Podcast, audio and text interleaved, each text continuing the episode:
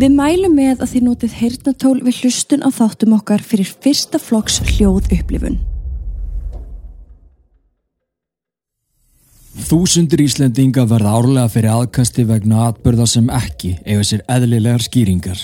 Í gegnum tíðina höfum við fengið talsverta sögum sendar til okkar þar sem fólk er umverulega að lýsa hræðslu og óta á yfirnáttúrulegri upplifun.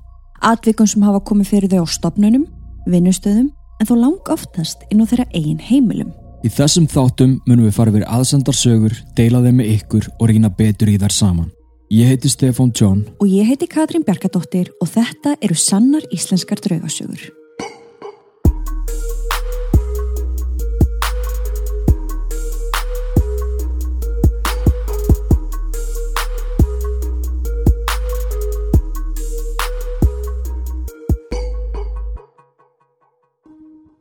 Sælverði kæru áskrifendur og verið velkomin í 35. þátt af sönnum íslenskum draugasögum.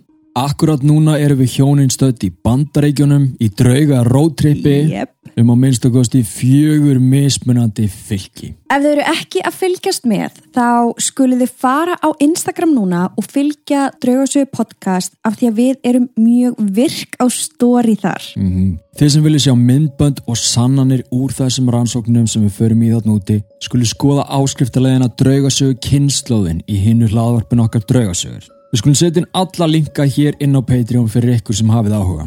En þó við séum á flakki þá fáið þið ykkar íslensku draugasögur alveg eins og vanalega og í dag þá ætlum við að segja ykkur 11 draugasögur frá fjórum einstaklingum. Það er ekki smá fjöldi. Þetta er tilbúin. Ég er klar. Við viljum minna á að draugasögurnar okkar eru ekki við hæfi barna nema með leifi fullorðina og með því hefjum við sögu dagsins.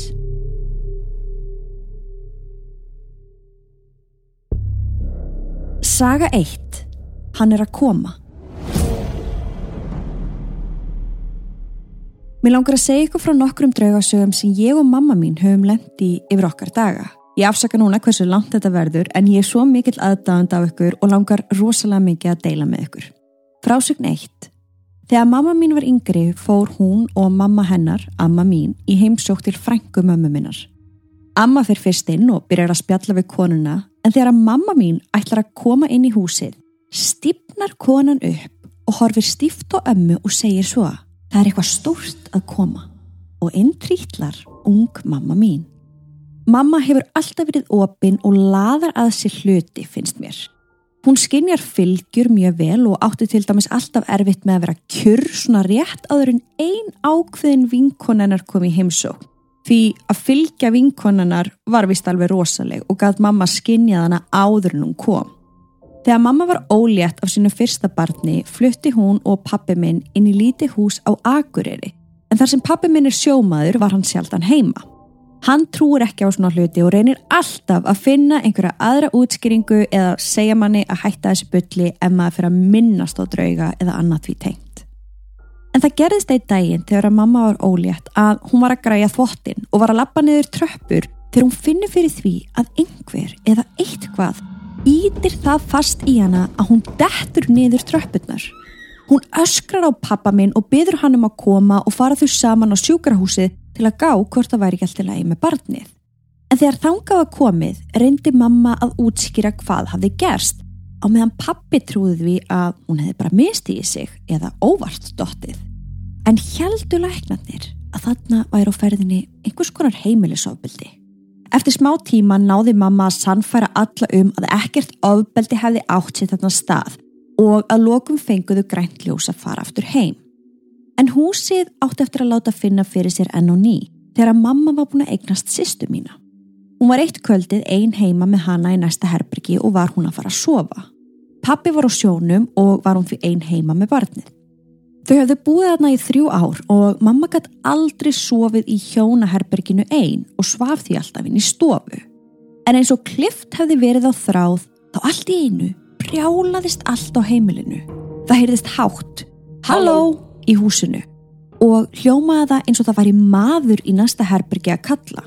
Mamma var skítrætt um að einhver hefði mögulega brotist inn svo hún hleypur og næri sýstur mína og aftur inn í hjónaherbergi þar sem hún felur sig undir rúmi með sýstuminni og ringir á laurugluna.